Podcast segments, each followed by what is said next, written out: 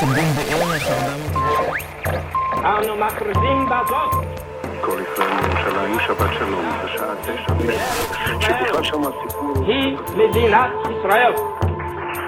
Israël in Nederland. Dit is de podcast van de ambassade van Israël waarin wij wekelijks een aflevering uploaden op ons Soundcloud-kanaal. In de podcast is er aandacht voor het grote verhaal van Israël, maar ook oog voor detail. Gesprekken met diplomaten en gewone burgers, Joodse feesten, innovatie en toerisme. Iedere week dus de stem van Israël in Nederland. Van harte welkom bij de podcast van de ambassade van Israël in Den Haag. Uw vaste plek voor verhalen en informatie over Israël, de Joodse wereld en de relaties tussen Nederland en de Joodse staat. Mijn naam is André Diepenbroek en ik ben uw gastheer. Moedig verzet uit een oorlog herdenken. Dat is altijd belangrijk. Maar het krijgt een extra lading in tijden van oorlog, zoals we nu meemaken. Wij waren pas geleden betrokken bij twee keer zo'n moment.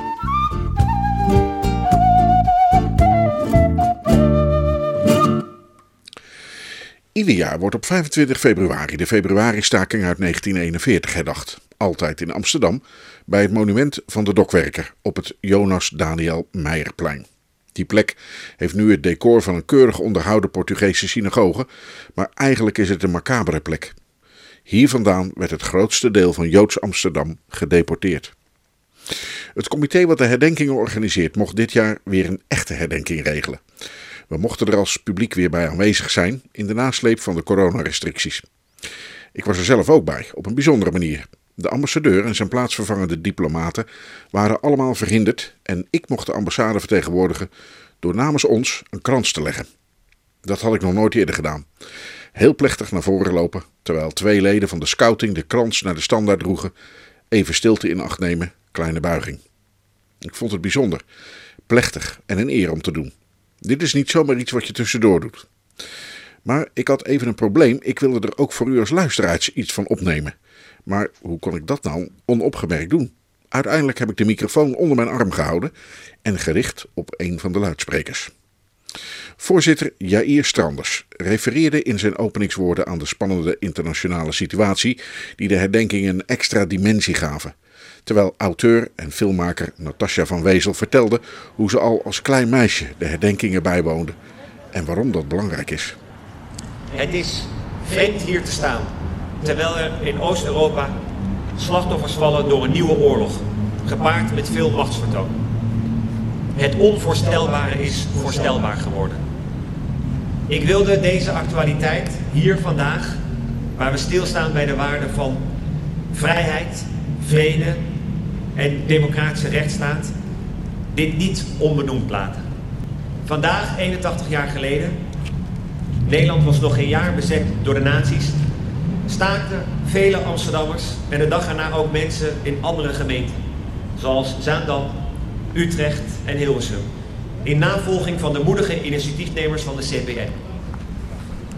De staking was een grootse reactie op de eerste gewelddadige razzia op bijna 400 weerloze jonge Amsterdamse Joodse mannen het weekend ervoor, op en rond dit plein. Hiermee begon de vervolging van de Nederlandse Joden. Het nieuwe Nationale Holocaustmonument aan de overkant van de brug herinnert aan de 102.000 vermoorden. Ook werden Roma en Sinti vervolgd en vermoord, communisten, mensen uit het verzet en zij die onderduikers in huis namen. Sinds 1946 komen mensen hier op 25 februari samen om de staking te herdenken. Op deze dag een jaar geleden had dit plein rond de dokwerker een nog niet eerder vertoonde aanblik. Er mocht maar een handjevol mensen aanwezig zijn. Vandaag bent u in grote getalen hierheen gekomen. En dat zegt wat. Want de stakers van toen, personeel van gemeentelijke diensten, waaronder de tram, havenarbeiders, winkelpersoneel en HEMA-kassières, scholieren en vele anderen, zij geven ons nog altijd een belangrijk en inspirerend signaal. Zij gingen niet enkel de straat op voor zichzelf. Zij kwamen op voor een ander. Voor de ander die onder lag.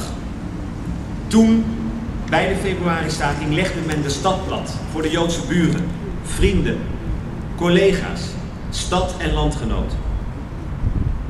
En nu kom ik in actie tegen onrecht als ik het zie gebeuren. Durven we nog verantwoordelijkheid te nemen voor ons handelen? Voor wie komen we op in deze tijd? Anders dan voor onszelf. De nagedachtenis aan de stakers spoort ons aan deze vragen niet uit de weg te gaan. De mensen die de ommanteling van onze democratische rechtsstaat, het oorlogsgeweld van 80 jaar geleden, de februari-staking en de holocaust nog aan de lijf hebben meegemaakt, zij zijn bijna uit ons midden verdwenen. Het is aan ons en meer en meer aan nieuwe generaties en deze jonge mensen om de nagedachtenis aan de moed van de stakers levend te houden. Ervoor te waken dat herinnering aan de verschrikkelijke en onvergelijkbare gebeurtenissen niet, zoals de afgelopen tijd, pijnlijk wordt besmeurd. Ervoor zorg te dragen dat in tijden waarin racisme en antisemitisme steeds weer de kop opsteken, onze democratie flink op de proef wordt gesteld en in Europa weer een oorlog losbast, deze nagedachtenis ons juist oproept tot moed en medemenselijkheid. Daarom staan we hier.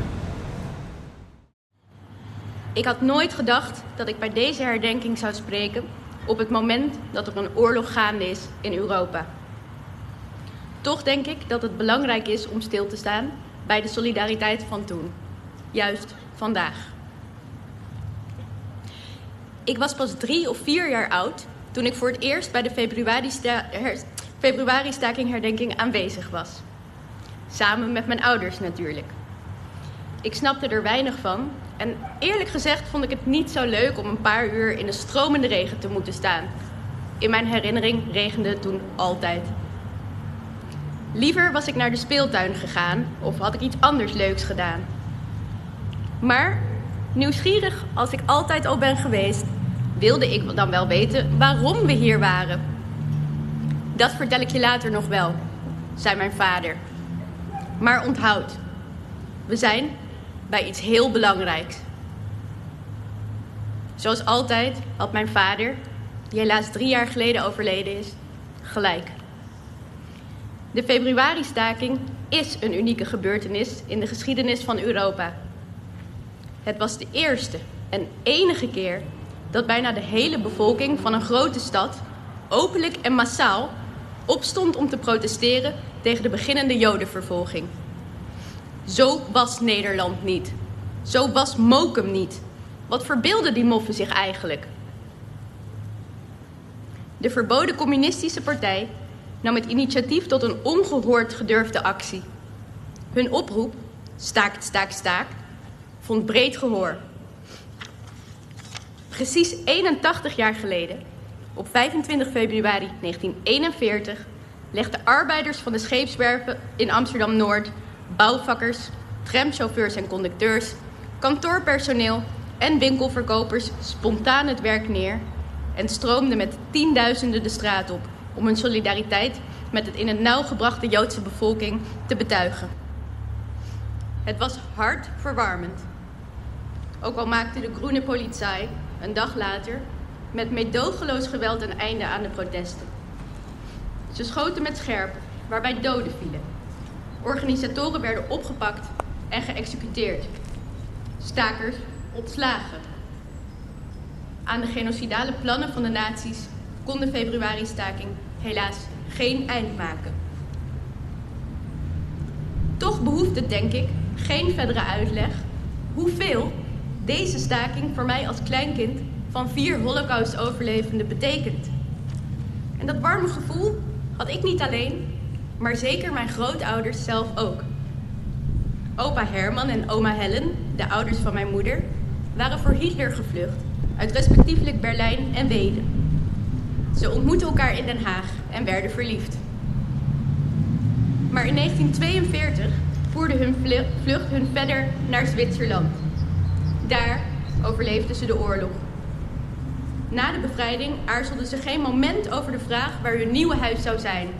Dat was niet Zwitserland en ook niet Duitsland of Oostenrijk, maar het was Nederland. Natuurlijk, het land van de februari-staking. Zij bleven hier tot hun dood en voelden zich, ondanks hun Duitse accent, echte Nederlanders. Hoe het precies verder gaat met de polarisatie, oorlog en de bedreiging van de democratie, dat weet ik niet. Maar wat ik wel weet, is dat ik me altijd zal blijven uitspreken tegen onrecht en onverdraagzaamheid. En als ik zelf ooit kinderen krijg, zal ik ze als kleutertjes meenemen naar deze herdenking. En als ze dan vragen wat we daar doen, omdat ze natuurlijk eigenlijk liever in de speeltuin willen zijn, dan zeg ik, dat vertel ik je later nog wel. Maar onthoud, wij zijn bij iets heel belangrijks.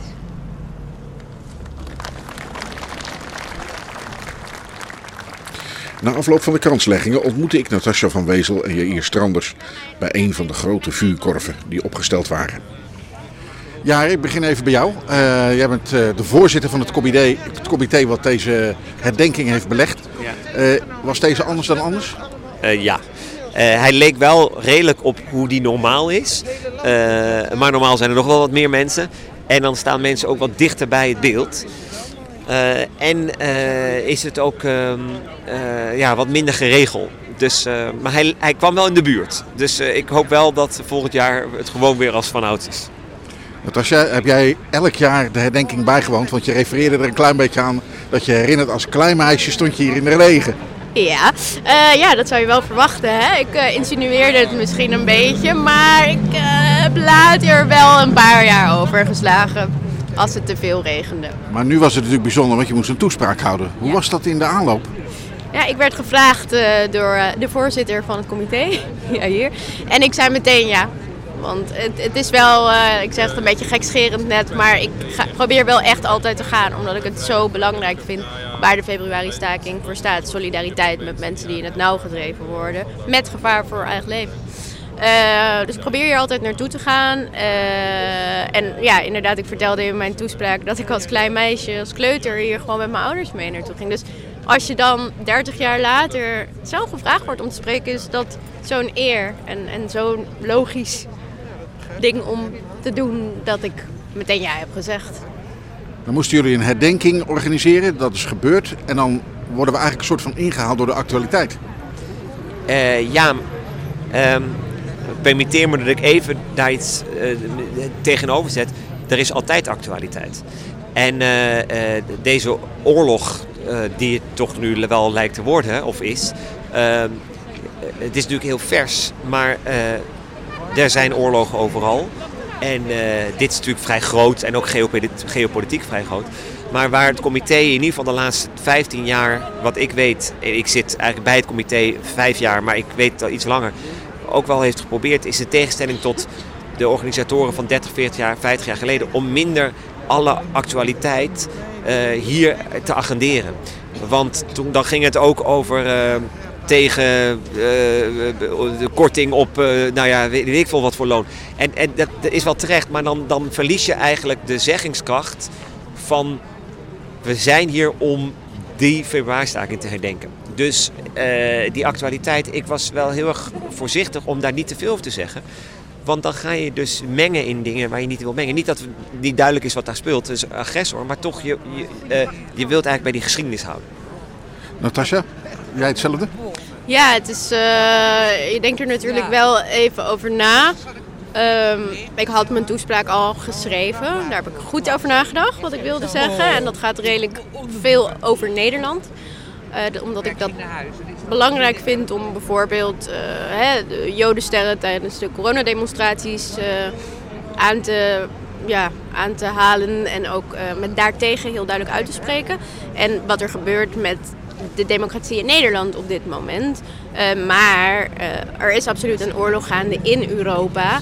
Uh, ik voelde wel de behoefte, net als jij hier trouwens ook even kort heeft gedaan, om van tevoren wel aan te geven van hé hey, ja, we spreken hier terwijl er een oorlog gaande is. Voor mij voelt dat een klein beetje onnatuurlijk. Aan de andere kant is het zo belangrijk om dan juist je uit te spreken voor solidariteit. Mag ik nog iets aanvullen? Ik denk ook dat want de actualiteit, hè, op het moment dat je het hebt over hoe de, de nagedachtenis, van de Tweede Wereldoorlog wordt besmeurd, dat gebeurt actueel, maar dat gaat wel over toen. Hè, dus, dat, dus het is niet zo dat, dat de herdenking niet over het nu mag gaan, maar dat is wat anders dan over alle issues die nu spelen. En dat je daar allemaal iets over moet zeggen. Hè. Dat is net, dus je zoekt natuurlijk wel naar een verbinding tussen dat verleden en wat dat betekent voor het heden. Natasja, is het moeilijk om iets wat in 1941, zeker voor laten we zeggen kleine schoolkinderen, is dat ongelooflijk lang geleden. Is het moeilijk om het naar hier te halen of vind je dat eigenlijk niet? Nou, ik denk dat er. eh, ik denk dat het helemaal niet moeilijk is, maar dat sommige mensen. eh, oh. Ik denk dat het niet zo moeilijk is, maar dat je wel je best ervoor moet doen. Dus inderdaad, je hoort steeds vaker, oh het is zo lang geleden. Ik geef zelf ook lessen, gastlessen over ja, discriminatie of, of solidariteit of de Tweede Wereldoorlog of dat soort onderwerpen. Omdat die voor mij wel degelijk met elkaar te maken hebben. Ik bedoel, de Tweede Wereldoorlog is toen gebeurd. De Holocaust staat wat mij betreft op zich. Eh, dat is zo'n gruwelijke daad geweest tegen ons groep en andere groepen. Eh, dat kan je met niks vergelijken. Maar ik denk dat de mechanismes daarachter, namelijk uitsluiting en discriminatie, ook nu bestaan. En dat je dat in een heel vroeg stadium moet benoemen. En dat probeer ik altijd te doen in mijn lessen. En dan merk je inderdaad... Nou, wat je vaak merkt is bij leerlingen dat ze sowieso oorlogsverhalen wel spannend vinden. Maar soms een beetje als, eh, ja, als eh, stoere jongensboeken, avonturenboeken. En pas als je de lading erachter zet van... Hey, deze mensen werden uitgesloten omdat ze waren wie ze waren. En dat kan nog steeds gebeuren. Nu niet op die schaal hier. eh, maar het kan wel, dan pak je jongeren sneller. En, en begrijpen ze denk ik sneller de inhoud. En eh, eh, ik ben het helemaal met eh Natasja eens. Wat wij als comité hebben gedaan afgelopen jaar is een, geïllustreerde vertelling online gemaakt. Juist bedoeld om jonge mensen op een spannende manier eigenlijk te laten, te laten door, zich daardoor te laten aanspreken. En dus inderdaad, omdat het ook een soort spannend oorlogsboek is. Eh, of hè, niet is, maar zo kan je het ook vertellen en dat werkt. En wat wij daar ook precies hebben gedaan is wel het spannend vertellen. Maar daarachter wel ook weer een boodschap meegeven. En nadenken over wat zou jij dan eigenlijk doen. En hoe bewust ben je eigenlijk van je handelen en van de consequenties van je handelen in de wereld. Dus dat, dat probeer je dan op die manier hè, eh, daarna door te geven.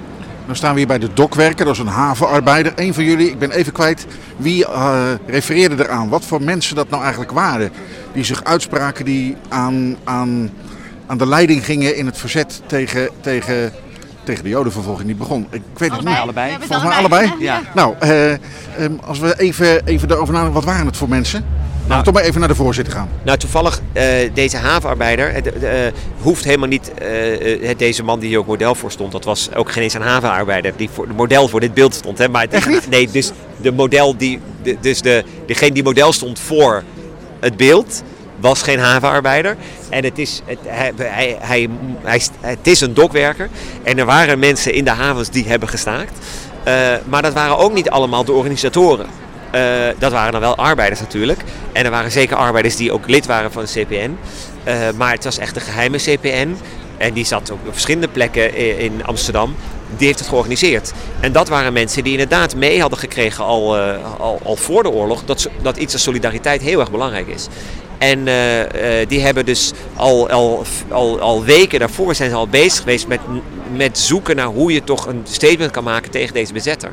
Hé, maar wacht even, dit is een hele stevige man die hier staat. Ja. Dat kan geen boekhouder geweest zijn. Nee, ik, volgens mij, als ik het goed heb, eh, was het een timmerman, maar dat weet ik niet zeker. Het is ook pas in de jaren 50 gemaakt, dit beeld. Ja, een stuk later. Ja. Natasja, de, de, welke karaktereigenschappen denk jij dat er in die mensen eh, ehm, hun bagage zat die in opstand kwamen, waar wij nog steeds iets van nou, kunnen leren? Of in ieder geval dat ter harte moeten nemen? Mooie vraag. Ik denk empathie. Eh, niet tegen onrecht kunnen en moed. Want dat had je wel nodig. Het is inderdaad wat je hier net zei. Ja, als ik tijdens mijn lessen vraag van eh, ja, wat zou jij doen tijdens de oorlog? Zou je in het verzet gaan of niet? Dan gaan altijd alle handen de lucht in. Wat heel mooi is. Een heel mooi idee en heel positief.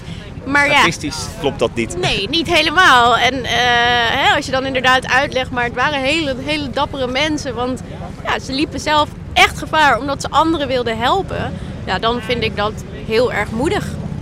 ik, mag ik nog iets aanvullen op het laatste? Want je zegt het ook heel goed. Ik heb daar in mijn verhaal iets aan proberen te zeggen. Want we denken vaak dat het gaat over uh, opkomen en in verzet komen. Uh, en dat, ik werd ook nog even gecorrigeerd door een uh, dochter van een staker. Want mensen kwamen ook op voor zichzelf. Hè, dus dat is wel het ding. Maar het bijzondere is, men kwam vooral op voor een ander. En dat is iets wat we snel vergeten. Want mensen die nu de straat op gaan, gaan vaak de straat op voor iets van zichzelf. Uh, en klimaat natuurlijk niet, dat is groter. Maar je merkt dat daar, daar kan je, dat is wel een les, daar kan je over nadenken. Van kom je op voor jezelf? Of, en dat is ook goed hè, dat je zegt, ik pik het niet wat er nu met mij en met mijn groep gebeurt. Maar het is natuurlijk ook bijzonder als je opkomt voor, voor een groep waar, waar het eigenlijk jou niet betreft. En dat je dan toch de straat op gaat of toch met gevaar voor eigen leven. En, en ik denk dat daar zit nog wel, echt voor deze tijd, zit er lessen in. Ook in, naar jongeren toe, om daarover met elkaar van gedachten te, te wisselen. Natasja, jij bent een veteraan. Want je bent hier als klein meisje begonnen. Ja. Uh, hoe lang, uh, laat ik maar eens gewoon even, even, even ordinair uit de hoek komen. Hoe lang moeten we hier nog mee doorgaan met deze herdenking? Ja, ik, uh, aan de ene kant zou ik willen zeggen, als we morgen ermee kunnen, zouden kunnen stoppen, omdat er uh, zoveel empathie en solidariteit en moed in de wereld is dat we het niet nodig hebben, zou ik zeggen morgen. Maar ik vrees dat de wereld niet zo in elkaar is, dus, uh, zit, dus ja, oneindig wat mij betreft. Ja, dan toch ook nog even ja. de voorzitter. Nee, het is een goede vraag. Ik ben heel veel met dit soort vragen bezig. Ik denk uh, verhalen uh, in de geschiedenis die appen, appen op een gegeven moment weg. Uh, we herdenken ook niet meer bepaalde slagen die hier in Nederland zijn gebeurd. En die zijn toen de tijd heel groot geweest. Ik denk dat, dat op een gegeven moment dan, dan, dan wordt dat kleiner of, of krijgen er andere geschiedenissen een belangrijke stem. Maar ik denk dat, uh, omdat het zo'n unieke daad is geweest, dus niet alleen maar de oorlog, maar het is ook zo'n unieke daad. Het is ook, je wordt er ook blij van, ook als stad, om dat samen met elkaar te herdenken. Dus het geeft de stad ook weer elke keer moed en een, een aanscherping. Dus het gemeentebestuur is namelijk mede-organisator met het comité. Dus ik denk dat, het, dat ook een gemeentebestuur heel blij is om dit nog een tijdje te herdenken. Maar het zal op een gegeven moment weg hebben. En dat, ja, dat, dat gebeurt met dingen natuurlijk in de geschiedenis. Je kan die dingen ook maar koet koet vasthouden. Uh, en, en dan op een gegeven moment krijgen dingen plek in andere verhalen, op andere vormen, in geschiedenisboeken. Uh, dat denk ik. Het laatste woord is aan Natasja. Als je je toespraak nou in een heel kort zinnetje moet samenvatten, wat zou je willen zeggen? Dat het altijd loont om in verzet te komen of je uit te spreken tegen onrechtvaardigheid en discriminatie van anderen. Dat gold toen en dat geldt ook nu. Dank jullie zeer.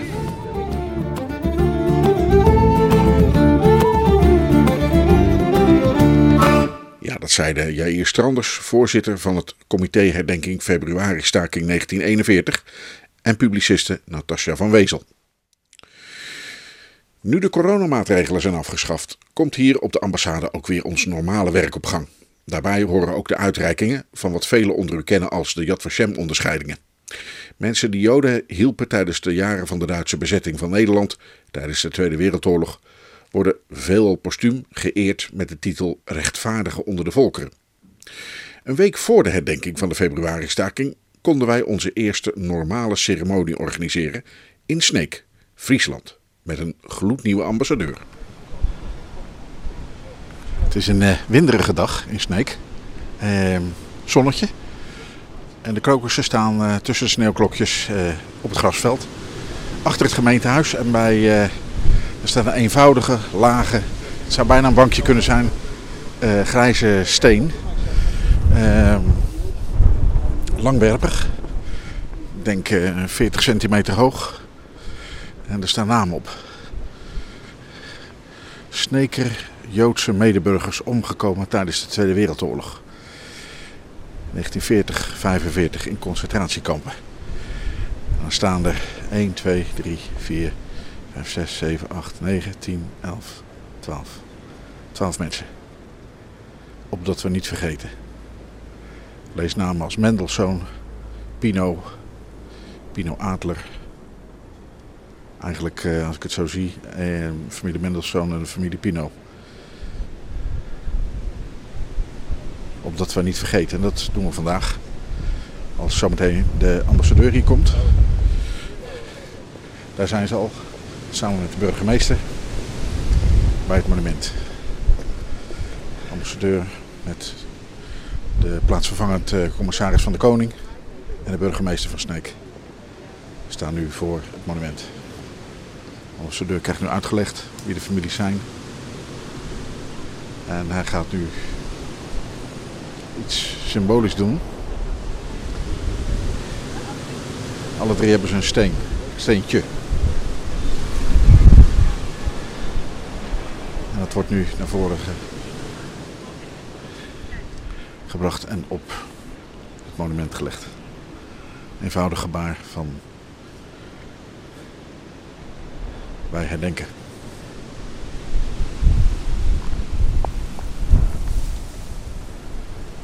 Gemeente en ook de ambassade legt nog een steen erop. Zodat er nu zes liggen. Symbolisch.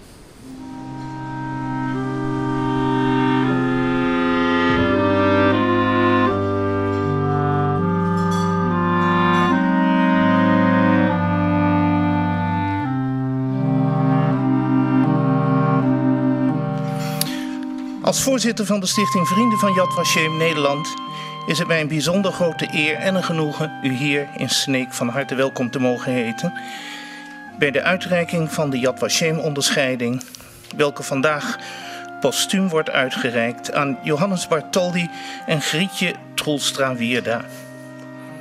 Heldhaftige redders die niet wegkeken, maar die hielpen. Lekol is Yeshem, iedereen heeft een naam. Een naam die zijn ouders gaven, die mensen elkaar gaven. De Joodse traditie is dat wij de namen onthouden. Je bent pas vergeten als niemand je naam meer weet. In die traditie willen we dus de namen noemen van hen die wij vandaag gaan eren.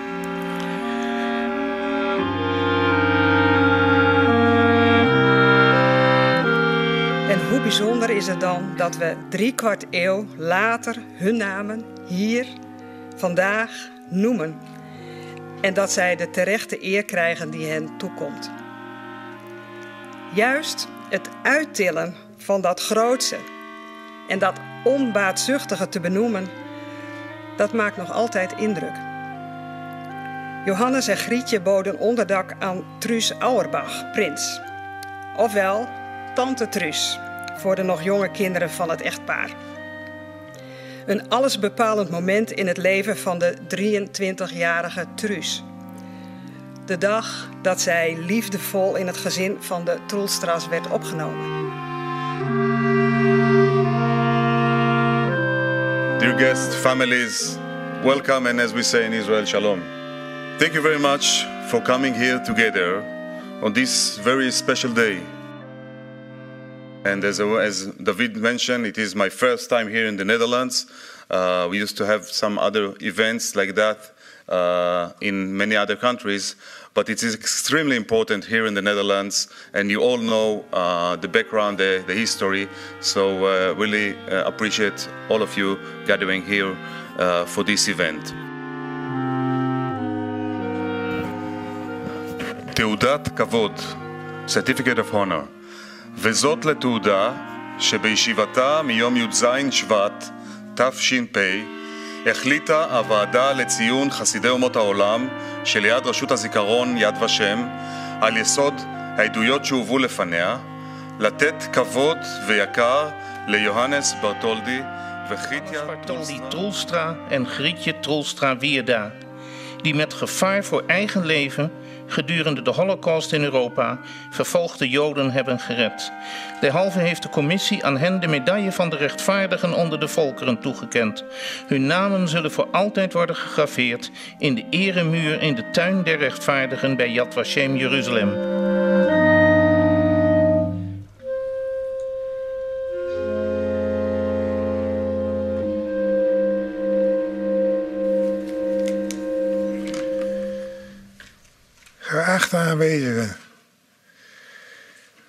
Dat we hier mogen staan omdat mijn ouders postuum geëerd worden, is voor ons een grote eer. We zijn ons zeer bewust dat zij deze medaille eigenlijk zelf in ontvangst hadden moeten nemen, wat helaas niet meer mogelijk is. Maar ook dat wat onze ouders in oorlogstijd voor een medemens hebben gedaan, vanuit hun hart is gebeurd. met liefde en zorg voor de medemens in nood, ongeacht hun afkomst. Dank aan alle gasten die hier vanmiddag aanwezig zijn.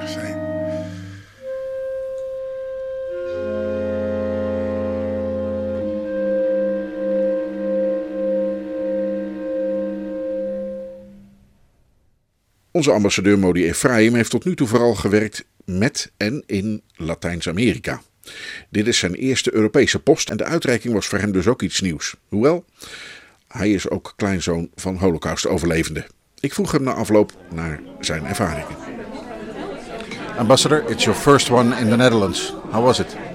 Well, it was very emotional to be here in Friesland and Snake and see the families here and in Israel and the rescuers and the rescued families and see how uh, how they basically had a great impact on lives of so many so many young generations and really for me as a son of a survivor of Holocaust it means a lot. That's why I'm here in Friesland for this important event. Now you were in a, a, huge family, a, a, a big pi picture with a lot of family members, also the children. What is the most important message to convey to the next generation?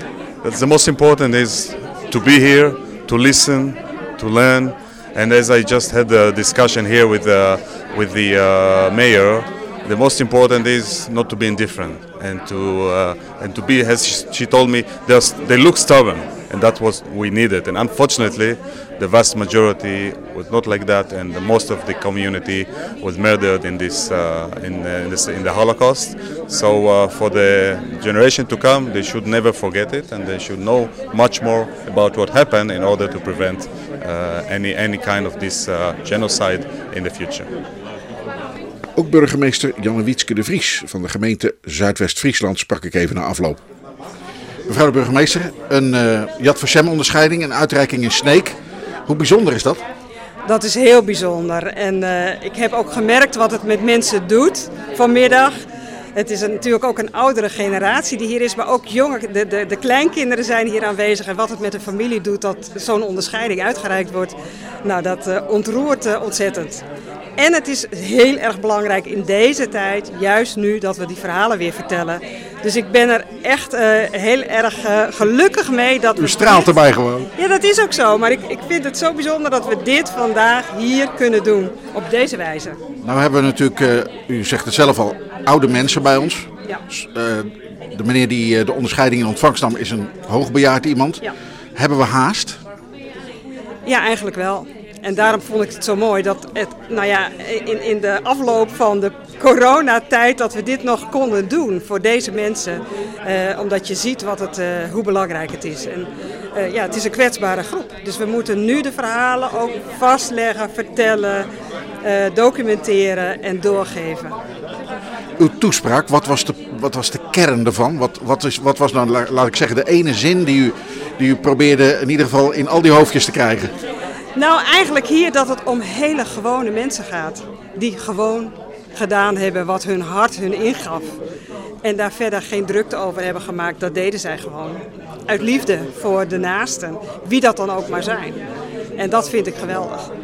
En, en dat is het eigenlijk. Uh, gewone menselijkheid, beschaving. En ja, dat willen we graag doorgeven aan iedereen. Juist in deze tijd. De onderscheiding werd door een oude heer in ontvangst genomen. Max Toelstra. En hij nam die onderscheiding voor zijn ouders in ontvangst. Heeft het niet lang op zich laten wachten? Hoe kijkt hij nu naar de toekomst voor wat betreft het doorvertellen van de verhalen over mensen die voor het goede kozen in de oorlog? Meneer Toelstra, we hebben vanmiddag hier uw ouders geëerd. Hoe bijzonder is dat voor u? Nou, dat is heel bijzonder. Want iedere keer als het weer 4, 5 mei wordt, dan kwamen die gedachten weer boven van mijn ouders. Ja. En, die, en die mensen die bij ons in huis waren. Want het was niet alleen Truus de Jodin bij ons in huis. Er waren nog twee kinderen uit Rotterdam. Van, de, van die honger, van hongerevacuees. Er kwam op een gegeven moment nog een heel gezin kwam er in huis van een verzetstrijder. Die vonden, die vonden allemaal plek, ja. Maar het was al een groot gezin en al deze mensen, daar was toch plek voor. Er was plek voor, ja. Op een gegeven moment zaten wij met 16 man om de tafel, ja. ja. Ook wel gezellig. Ook wel gezellig. Maar ja, dat bedoel me. Die, dat, dat gezin wat binnenkwam, is later wel verdeeld over de, over de buurt wel. Ja, die zijn niet allemaal gebleven. Daar hebben ze wel andere plek voor gevonden ook, ja. Maar Truus, maar Truus is, ik weet niet precies hoe lang of Truus geweest is. Misschien wel anderhalf, twee jaar, ja. Maar, maar Truus, Truus was Truus, daar werd, werd verder niet over gepraat, niet. Waar Truus vandaan kwam of zoiets. Nee, dat werd allemaal, wij waren van die kinderen. Ja, wij, wij, wij noemden haar Truus, maar, maar als, als er iets was, dan was, was alweer verstopt. Was, was weer, die stond alweer in de kast, ja. ja, ja. Um, is het ooit gevaarlijk geweest dat er verraad in de buurt was, dat, dat, er heel, dat je heel erg moest oppassen? Ja, zeker wel. Mijn, uh, mijn jongste broer, Theo, die was hier straks. Die was, die was een jaar of zes, zeven. Die ging naar de, naar de lagere school. En die ging s'morgens naar de lagere school. Mijn vader was uh, op de fabriek. En toen Theo bij de, bij de brug was, toen zei hij, hé hey, Duitsers. En Theo is omgedraaid. Die is weer teruggegaan naar, naar mijn moeder toe. En toen moest Truus die moest nog verstopt worden, ja. En ze hadden Truus nog maar net met het laddertje op de, op de schuilplaats zitten. En toen stapten de Duitsers binnen, ja. Was maar net goed gegaan. Was maar net goed gegaan, ja. ja. Hoe lang is ze uiteindelijk bij jullie geweest? Hoeveel jaar? Ik denk van een anderhalf jaar, ja. ja. Dat weet ik niet precies. Dat probeer ik ook te achterhalen, maar ik, ik, ik, ik weet het niet precies. Nou, uh, nou is deze onderscheiding natuurlijk aangevraagd en helemaal in gang gezet. Dat, dat is niet zomaar iets wat even snel geregeld is. Toen u hoorde dat dit gebeurde, wat deed dat met u? Nou, ik denk, nou, dit is toch wel een, een, een, een, een bevestiging dat het, uh, ja, dat, het, uh, dat het nou leeft. Ja, dat het dat een hele eer is. Ja. Ja. Nou. Vindt u het belangrijk dat dit door wordt verteld steeds weer? Ja, natuurlijk, ja, zeker. Ja, ja, ja. Wat, wat mijn ouders gedaan hebben in de oorlog, nou, daar heb ik, heb ik respect voor, ja. ja. Nou. Nu, nu heeft u de onderscheiding, hè, het is een, een certificaat, een oorkonde en een medaille. Ja. wat, wat gaat u ermee doen? Waar gaat u de medaille neerzetten? Nou, die, die zou wel ergens op de kast komen staan, ja. nou... Ja, nou, ik bedoel maar, als, als mijn broers of zusters langskomen, dan, dan moet dat zichtbaar wezen, ja. ja, ja. Want het is natuurlijk eigenlijk iets voor de hele familie ja, natuurlijk. Ja, zeker. Nou, mijn, moeder, mijn, moeder is, uh, mijn moeder is nog wel een, een keer bij Truus in Israël geweest, ja. Mijn Truus, Truus en mijn moeder, dat, dat werden, onderhand werden dat vriendinnen, ja. Ja, die hadden een hoop briefwisseling, ja. Ook al... Uh, ook al in tijden van de oorlog, ja, waren vriendinnen geworden. Ja. ja. Um, nog één ding nu. Uh, is het ook een soort afsluiting voor u, zoiets? Oh, afsluiting, ja, het, blijft, het, het, blijft leven, ja. ja. Nee, dit, nee. helemaal afsluiten doen we niet. het blijft leven, ja. En tenslotte sprak ik David Simon nog even, de voorzitter van de stichting Vrienden van Yad Vashem Nederland. Hoe lang kunnen we nog doorgaan met vertellen? Eindigt het een keer? En hoe moet het dan verder met het herdenken van de Shoah? David, we hebben een uh, ja, bijzondere Yad Vashem uh, ceremonie achter de rug. Ze zijn allemaal bijzonder, dat zeg je ook altijd. Dat is, het, uh, dat is ook zo. Wat maakt deze anders dan de andere? Ja, de situatie maakt het iets anders dan het andere. Eh, ik vind dat de situatie urgenter is geworden. Eh, ik vind dat we meer de nadruk moeten leggen op uh, dat mensen moeten weten wat er is gebeurd. Op dat alle onzin die tegenwoordig wordt uitgekraamd, het opkomend antisemitisme, dat dat een halt wordt toegeroepen. En daar zijn deze bijeenkomsten uitstekend geschikt voor. Mensen gaan met bepaalde gedachten weer weg hier vandaan en denken, ja, het, uh, het wordt er niet beter op. En dat vind ik een boodschap die we moeten meegeven. Je hamerde in je toespraak en ook in je dankwoord over onderwijs. Wie het ook hoort, kom met schoolklassen naar uh, Westerbork of misschien naar dit soort ceremonies. Uh, Ja, de volgende generatie, dat zit wel op je hart geloof ik hè? Ja, dat zit enorm op mijn hart, omdat ik twee zoons heb die allebei in het onderwijs zitten. En het verontrust mij, eh, omdat eh, de, de, met name VMBO-leerlingen, eh, de school van mijn zoon zit 90% jongelui met een niet-westerse achtergrond. En daar is het not dan om überhaupt over holocaust te praten. Meteen wordt Israël erbij gehaald, zie je wel eens wat ze daar doen. En als ze dus op een plek zijn waar het allemaal gebeurd is, Westerbork of Vught, eh, het Namenmonument nu in Amsterdam, dan kunnen ze met eigen ogen aanschouwen wat discriminatie met mensen doet. En die boodschap vind ik is een taak van Yad Vashem om dat zo snel mogelijk, zoveel mogelijk aan zo ongelooflijk veel mogelijk jongelui die boodschap te brengen. En daar hamer ik constant op, zit me heel diep in mijn hart en ik vind dat het allerbelangrijkste.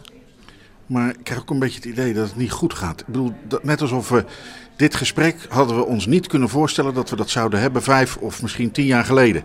Is het, is het neerwaarts gegaan in de laatste tijd? Ik vind dat het neerwaarts is gegaan en dat komt natuurlijk ook door de politieke constellatie waar we in terecht zijn gekomen, de versnippering. Mensen, eh, politieke partijen, sommige natuurlijk, uh, het zijn maar een minimaal aantal, maar het zijn wel de grootste schreeuwers. En uh, het is heel vervelend dat een heleboel mensen achter schreeuwers aan blijven lopen. En dat is natuurlijk anders dan vijf of tien jaar geleden. En dat wordt hoe langer hoe erger, vind ik. En daarom moeten we ook waarschuwen, blijven waarschuwen. Hebben we haast? Want de meneer die het in ontvangst nam, Max Troelstra, dat was een hoogbejaarde man met een stok. Ja, we hebben zeker haast. En uh, ik heb met de vorige ambassadeur twee jaar geleden één uh, mevrouw mogen uh, meemaken, 97 jaar, helder van geest, die zelf nog onderduikers gehad had. Nou, die categorie die is bijna uitgestorven. Het, het wordt allemaal postuum. Maar zelfs de postuum, de kinderen van de onderduikgevers, zoals je ziet en hebt gehoord van Max Troelstra, zijn oude mensen. En dat gaat hoe langer hoe harder, gaat hoe langer hoe sneller. Ja. En ondertussen ben je, want je, je bent heel actief in de Joodse gemeenschap, je bent je aan het voorbereiden op 75 jaar Israël. Dat wil ik er toch ook even naast zetten. Uh, die twee dingen, is, geeft het je toch ergens hoop of moed?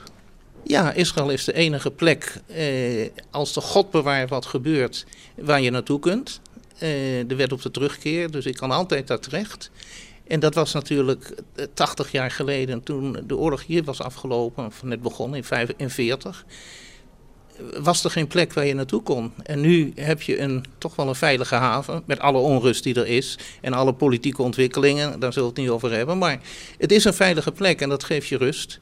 En eh, ik hoop dat ik er nooit gebruik van hoef te maken, want ik ben eh, een Joodse Nederlander en ik, ik woon hier met ongelooflijk veel plezier. En ik zal, ik zie dat in kleine Joodse gemeentes. Ik ben inmiddels voorzitter van de Joodse gemeente Arnhem, helaas. En daar woon je helemaal niet? Nee, ik woon in Amstelveen, maar daar zijn geen mensen meer die daar de boel kunnen, uh, kunnen leiden. En heeft het kerkgenootschap mij gevraagd, zou je dat daar willen doen? Maar ja, de laatste doet het licht uit. Ik bedoel, we hebben nog 37 leden, waarvan 80% boven de 70 is. Dus dan weet je, dat gaat een keer daar ophouden in, in de Medine, in de, in de plaatsen buiten Amsterdam. Maar goed, Israël is een veilige haven. Daarom moeten we ook absoluut volgend jaar het feestje vieren. Zeer zeker. U hoorde achtereenvolgens ambassadeur Modi Efraim, burgemeester Jan Wietske de Vries, de heer Max Troelstra namens de geëerde familie en tenslotte de heer David Simon namens de vrienden Yad Vashem. Wij komen hiermee aan het einde van deze podcastaflevering van Israël in Nederland. Vergeet u niet om volger te worden of anderen aan te raden zich te abonneren. Zo blijven u en uw vrienden steeds op de hoogte van wat we doen en meemaken. Dat kan allemaal via Spotify, Google Podcasts, Podbean, Overcast, TuneIn of Stitcher of gewoon via ons Soundcloud-account. soundcloud.com slash in Nederland. Voor nu, dank voor het luisteren en graag tot binnenkort.